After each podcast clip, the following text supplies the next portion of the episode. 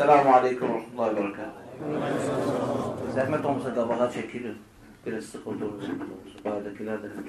إن الحمد لله نحمده ونستعينه ونستغفره ونعوذ بالله من شرور أنفسنا ومن سيئات أعمالنا. من يهده الله فلا مضل له ومن يضلل فلا هادي له وأشهد أن لا إله إلا الله وحده لا شريك له. واشهد ان محمدا عبده ورسوله صلى الله عليه وعلى اله وصحبه ecmaîn. Amma ba'd. Möhtərəm müsəlmanlar, Allah Taala'dan qorxun. Bilin ki, Allah Subhanahu wa Taala'nın nemətlərindəndir ki, bizə daima xeyirli, gözəl mövsümlər bəxş eləyir. Yəni faydalı, fəzilətli günlər, aylar və s. Allah subhanahu ta'ala bunların vasitəsi ilə bizim əcrimizi, savabımızı artırır və öz lütfündən bizim üçün artırır.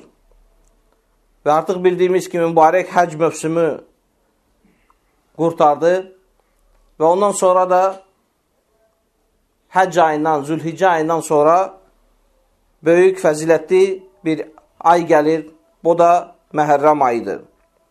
Və Muslim öz səhiyində rivayət edib Əbu Hüreyrədən radiyallahu anh ki, Peyğəmbər sallallahu aleyhi və alə alihi və səlləm buyurdu Afdalu siyami ba'də şəhri Ramazan şəhrullahilləzi təd'unəhul muharram və afdalu salati ba'dəl fəridə qiyamul leyl Ramazan ayından sonra ən fəzilətli oruc Allahın ayında tutulan orucdur. O ay ki, siz ona Muharram deyirsiniz. Və ən fəzilətli namaz, fərz namazlardan başqa gecə namazıdır. Qiyamul leyl. və Peyğəmbər sallallahu aleyhi və səlləm məhərrəm ayına Allahın adı deyib. Bu da dəlildir ki, o ay şərəflidir, fəzilətlidir. Çünki belə baxsa, bütün aylar Allahındır. Və lakin burada xüsusiləşdirmə var. Yəni, Allah subhanahu wa ta'ala məxluqlardan bəzilərini seçir xüsusi eləyir və bəzi ayları, bəzi əşyaları başqalarından, digərlərindən üstün eləyir. Və Əl-Hasan Əl-Basri rahiməhullah demişdi ki, Allah Taala ili haram ayla başlayıb, yəni müqəddəs, hörmətli ayla və haram ayla da bitirib, yəni Zülhiccə ayı ilə. Və Allah Taalanın yanında Ramazandan sonra daha əzəmətli ay yoxdur. Məhərrəmdən başqa. Onun da səbəbi odur ki, onun hörməti çoxdur. Və bu ayda möhtərəm müsəlmanlar böyük bir hadisə baş verib. Böyük bir qələbə baş verib. O ayda elə bir gün var ki, Allah subhanahu ta'ala o gündə haqqı batilə üstün eləyib. Yəni, haqq batilə o ayda, o gündə qalib gəlib. Bu da o vaxt olub ki, Allah subhanahu ta'ala öz peyğəmbərini Musa aleyhissalamı və onun qövmünü qurtardı. Və onların düşmənləri olan Fironu və onun qövmünü batırdı dənizdə. Ona görə də bu ayın böyük fəziləti var və qədimdən bəri böyük bir hörməti var bu günün. Və bu da Məhərrəm ayının 10-cu günüdür və o günə aşura günü deyirlər. və aşura haqqında, aşura gününün fəziləti haqqında və o gündə tutulan orucun fəziləti haqqında bir çox hədis var və hamısı sabitdir Rasulullah s.ə.v-dən və misal üçün bir neçəsini qeyd edəyək. Buxari ilə Muslim rivayət ediblər İbn Abbasdan radiyallahu anhumə ki, İbn Abbasdan soruşdular aşura günü haqqında və o demişdi ki, mən görməmişəm elə bir bu gündən başqa hansısa bir gün Peyğəmbər s.ə.v çalışsın, o günü axtarsın Ramazandan sonra. Çalışsın o günə yəni, bir e, yəni, əhəmiyyət versin. Və dediyimiz kimi Aşura gününün böyük fəziləti var və böyük hörməti var və Musa aleyhissalam buna görə də Allah Teala'ya şükr edərək bu gündə oruç tutardı. Və təkcə bu deyil, həm də kitab əhli də bu bu gündə oruç tutardılar və hətta bəzi ərəblər də, Qureyş də cahiliyyədə onu o gündə oruç tutardılar. Və Peyğəmbər sallallahu aleyhi və səlləm Məkkədə olarkən aşura gününü aşura günündə oruç tutardı. Lakin insanlara bunu əmr eləməzdi. Və Mədinəyə gələndə isə görəndə ki, kitab əhli o orucu tutur və o günə, aşura gününə təzim göstərirlər və Peyğəmbər s.ə.v o şeylərdə ki, Allah Taala'dan əmr gəlməyib, xoşlayırdı ki, kitab əhli ilə o şeylərdə bir olsun. Ta Allahın əmri gələnə qədər. Ona görə də Peyğəmbər s.ə.v özü oruç tutub o gündə və insanlara da əmr edib ki, oruç tutsunlar.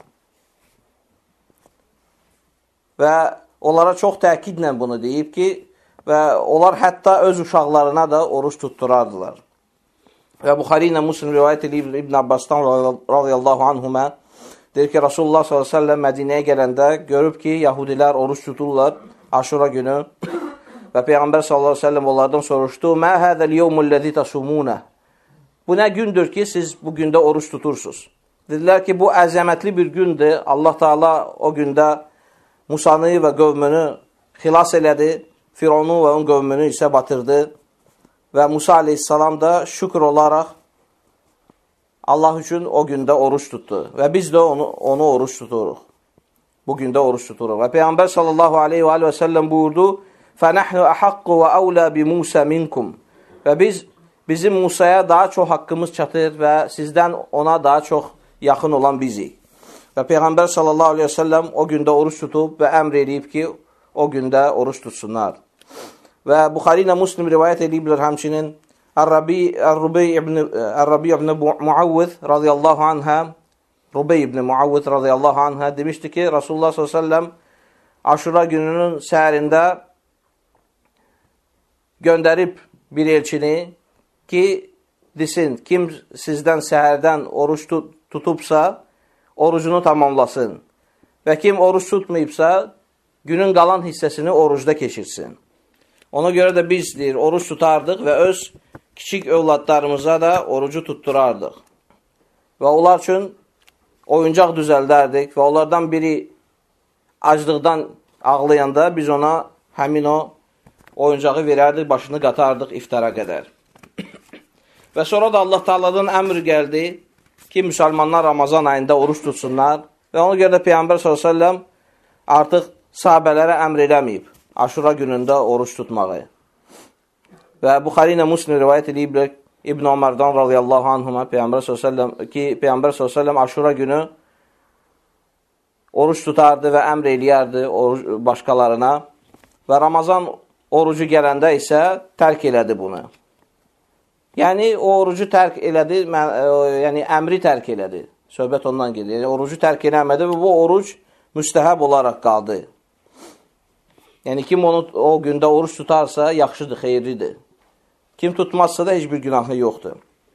Əbu Xalil ilə Muslim rivayət ediblər Muaviyyədən radiyallahu an demişdi ki, eşitmişəm Rasulullah s.ə.v buyurdu, Həzə yevmu aşura və ləm yəktubillahu aleykum siyaməh və ənə saim, fəmən şəə fəlyasum və mən şəə fəlyuftur. Dedi ki, bu aşura günü Allah Taala sizin üçün o gündə orucu fərz eləməyib. Mən isə oruç tuturam və sizdə kim istə istəyirsə tutsun, kim istəmirsə də tutmasın. Və bu da dəlildir ki, bu oruc vacib olmasa da müstəhəb oldu. Müstəhəb olaraq qaldı. və bu və aşur, e, Məhərrəm ayının fəzilətlərindən da biri odur ki, aşura günündə tutulan oruc keçən ilin günahlarının kəffarəsidir. Və Muslim rivayət edib, Abu Qatadədən radiyallahu an ki, bir kişi soruşdu Peyyambər s.ə.v-dən aşura gününün orucu haqqında və Peyyambər s.ə.v buyurdu, Əhtəsibu aləllahi ən yukəffirə sənətəlləti qablə. Hesab edirəm ki, Allah Taala bu oruca görə keçən ildə olan günahları bağışlayar. Yəni, o günahların kəfarəsi olar insan üçün. Və Peyyambər s.ə.v ömrünün axırında bu orucu, yəni istəmişdi ki, bu orucu tək aşura günündə tutmasın. Və bir gün istəyirdi ona əlavə eləsin. Ki, kitab əhlinə müxalif olsun. Çünki bizə əmr olundu ki, biz kəfirlərdən fərqlənəyik, həmçinin kitab əhlindən.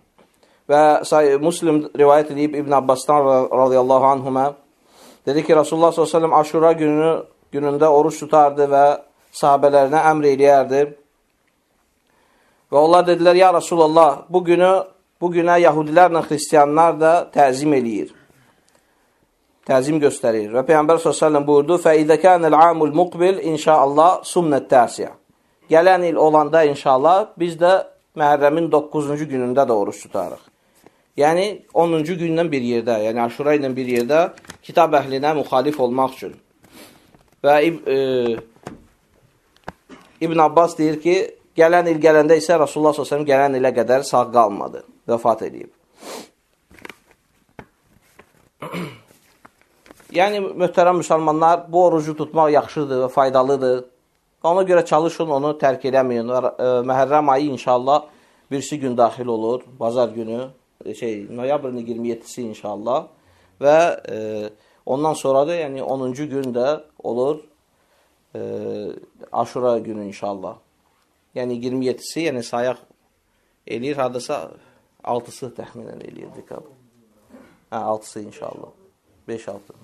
Cəzakumullah xeyr. Və aqulu qavli hədə və estağfirullah. Elhamdülillahi Rabbil alemin. Və salatu və selamu alə nəbiyyə Muhammed və alə alihi və ashabi ecma'in əmmə bə'd. Möhtərəm müsəlmanlar, aşura günündə bəzi əməllər var ki, şəriətə müxalifdir. İnsanlar bunları eləyirlər müxtəlif ölkələrdə. Bunlardan biri, məsələn, bəzənmək o gündə. Bəzilər elə hesab edirlər ki, mütləq bəzənmək lazımdır, sürmə vurmaq məsəl üçün gözlərinə. Bəzilər saçları qaskalayırlar boya qoyulur. Bəzilər qüsl eləyirlər, elə, bilir, elə bilirlər ki, bugün bayram günüdür. Və həmçinin təzə hədiyyələr və s. alırlar. Və xüsusi hansısı bir yemək deyirlər, aşura yeməyi hazırlayırlar. Bu hamısı batildir. Elə bir şey yoxdur. Və bəzi zəif yaxud uydurma hədislərdə gəlib. və həmçinin bəzi insanların elədiyi bidətlərdən biri də hansısa müəyyən bir dua, aşura duası deyirlər ona, onu oxumaqdır. Belə bir şey də yoxdur. Və həmçinin bidət əhlinin o gündə Peyyambər s.ə.v nəvəsi Hüseyin radiyallahu anhın ölüm gününü, yəni şəhadətini qeyd edirlər, özlərinə ziyan verirlər, özlərini döyürlər, hüzün, matəm saxlayırlar. Bunlar hamısı şəriətdə olmayan şeylərdir. Hamısı bidətlərdir və hər bir bidət zəlalətdir. Və həmçinin möhtərəm müsəlmanlar, biz bilməliyik ki, Məhərrəm ayının birinci günü müsəlmanlarda yeni il sayılır. Yəni, yeni ilin başlanğıcıdır. İndi, məsələn, biz 1432-ci ildəyik hicrətdən sonra və Məhərrəmin biri inşallah 1433-cü il başlayacaq. Və lakin bunu bayram kimi qeyd eləmək gəlməyib. Yəni, şəriətdə belə bir şey yoxdur ki, bu günü bayram kimi qeyd eləyəsən. Və kim bayram kimi qeyd eləyir, o bununla baxır, yəni kitab əhlinə, kafirlərə baxır ki, onlarda da yeni il var, niyə görə bizdə olmasın? Lakin onların yeni ili bizim bayramımız olmadığı üçün bizim özdə öz yeni ilimiz var. Yəni, bu xatadır. Elə bir şey şəriətdə yoxdur. və umumən sahabələr və Peyyambər Sosən yeni ilin başlanmasını qeyd eləmirdilər. Və həmçinin o illərin sayılmağı Omar ibn Xattabın radiyallahu anh vaxtından başlayır. O xəlifə olanda bunu əmr eləmişdi ki, aylar, illər E, hesablansın. Çünki müsəlmanların buna zərurəti, ehtiyacı var idi. Ona görə də bunu əmr eləmişdi. Peyğəmbər səsən vaxtında ilin başlanğıcı deyilən bir şey yox idi. Və lakin hər bir ay, hər bir il gələndə müsəlman gərək özünü hesaba çəksin. Fikirləşin, keçən ildə o nə edib? Bu ona e, sözsüz ki, fayda verər. Çünki ağıllı insan o insandır ki, fikirləşir, özünü hesaba çəkir və ölümdən sonraki həyat üçün çalışır. Və insan, insanın iki halı ola bilər. Ya o yaxşılıq edən insan idisə, o çalışmalıdır ki, yaxşılığı, yaxşı əməlləri daha da çoxalsın. Və əgər ikinci bir halda ola bilər ki, günahkar olsun, günahları olsun çoxlu. O da özünü çalışmalıdır, düzəlsin. Və Allah subhanahu ta'ala buyurur, Ya eyyəllezine amenuttaqullaha vel tanzur nefsun ma qaddemet li qad. Ey iman gətirənlər, Allahdan qorxun və hər kəs baxsın sabaha nə hazırlayıb. Və İbn Kəsir rahimehullah bu ayənin təfsirində deyir ki, özünüzü hesaba çəkin. He hesab olunmamışdan qabaq. Və baxın nəyi hazırlamısınız özünüz üçün? Salih əməllərdən qiyamət günü üçün nəyi hazırladınız? Rəbbimizin huzuruna çıxanda nəyi hazırladınız? Və İbnül Qeyyim rahimehullah göstərir necə insan özünü hesaba çəkməlidir. Deyir ki, birinci növbədə fərzlərə görə hesaba çəkməlidir. Yəni, fərzləri tam yerinə yetirib, yoxsa yerinə yetirməyib. Və əgər xatırlasa ki, orada bir nöqsanlıq varsa, onu ya qəza eləsin, əgər qəzası varsa mümkündürsə, ya da islah eləsin, düzəltsin, yəni hansısa bir xata var idi, o xətanı düzəltsin. Sonra özünü hesaba çəksin, qadağan olunan haram şeylərə görə hesaba çəksin. Əgər görsə ki, hansısa bir haramı eləyibsə, onu islah eləsin, tövbə eləsin, bağışlanma eləsin Allah Teala'dan. Və həmçinin yaxşı, salih əməllər görsün ki, həmin o günahının kəfarəsi olsun. Sonra da özünü qəflətə görə hesaba çəksin. Qəflətə, yəni laqeydliyə görə. Əgər Allah Teala onun onu nə üçün yaradıbsa, onu hansısa anlarda insan unudub, yəni qəflət içində olub, unudub o şeyi, öz qayəsini, yaradılış məqsədini, nədən ötürü yaşadığını unudubsa, onu da düzəltsin zikirlə, Allah Taalaya yönəlməklə. Ona görə möhtərəm müsəlmanlar, təzə bir il gələndə gərək insan bayramla yox, onu tövbə ilə qarşılaşsın. Allah Taalaya dönməklə. Çünki qabağımızda olan nə qədər Allah Subhanahu taala bizə ömür yazıbsa, o səhifələr hələ ki ağdır, hələ ki təmizdir. Ona görə də gərək o səhifələri günahlarla, asiliklə qaraltmayaq. Ona görə də hesaba çəkilməmişdən qabaq qiyamət günü indidən özümüzü hesaba çəkək. Allah Taalanı çoxlu zikr eləyək, ondan bağışlanma diləyək və çalışaq ki, daima əməli salih insanlarla bir yerdə oturub duraq. Çünki onun da çox əhəmiyyəti var. Və Allah Subhanahu wa Taala gələn eləyib müsəlmanlar üçün xeyirli və bərəkətli eləsin. Allah Subhanahu wa Taala bizim ömrümüzü itaətdə uzun eləsin. Çünki ömrün əgər itaətdə deyilsə, onun uzun olmağı faydası yoxdur, əksinə ziyandır. Lakin itaətdədirsə, Allah subhanahu ta'ala daha çox insana savab yazır. Və Allah subhanahu ta'ala bizi itaət, itaətkar qullardan eləsin. Allah subhanahu ta'ala bizi asilikdən qorusun, asilikdən uzaq eləsin. Bizim üçün cənnətdə bir yer hazırlasın. Allah subhanahu ta'ala İslam və müsəlmanlara kömək olsun. Və sallallahu və səlləmə alə seyyidinə və nəbiyinə Muhammed və alə əlihi və ashabi əcməin və xahiş edirəm ki, bayırda o yerdə ki, keçid var, orada namaz qılmaq olmaz, dəfələrlə demişik, inşallah bunu da nəzərə alın və zəhmət olmasa sıx durun, telefonların səsini alın.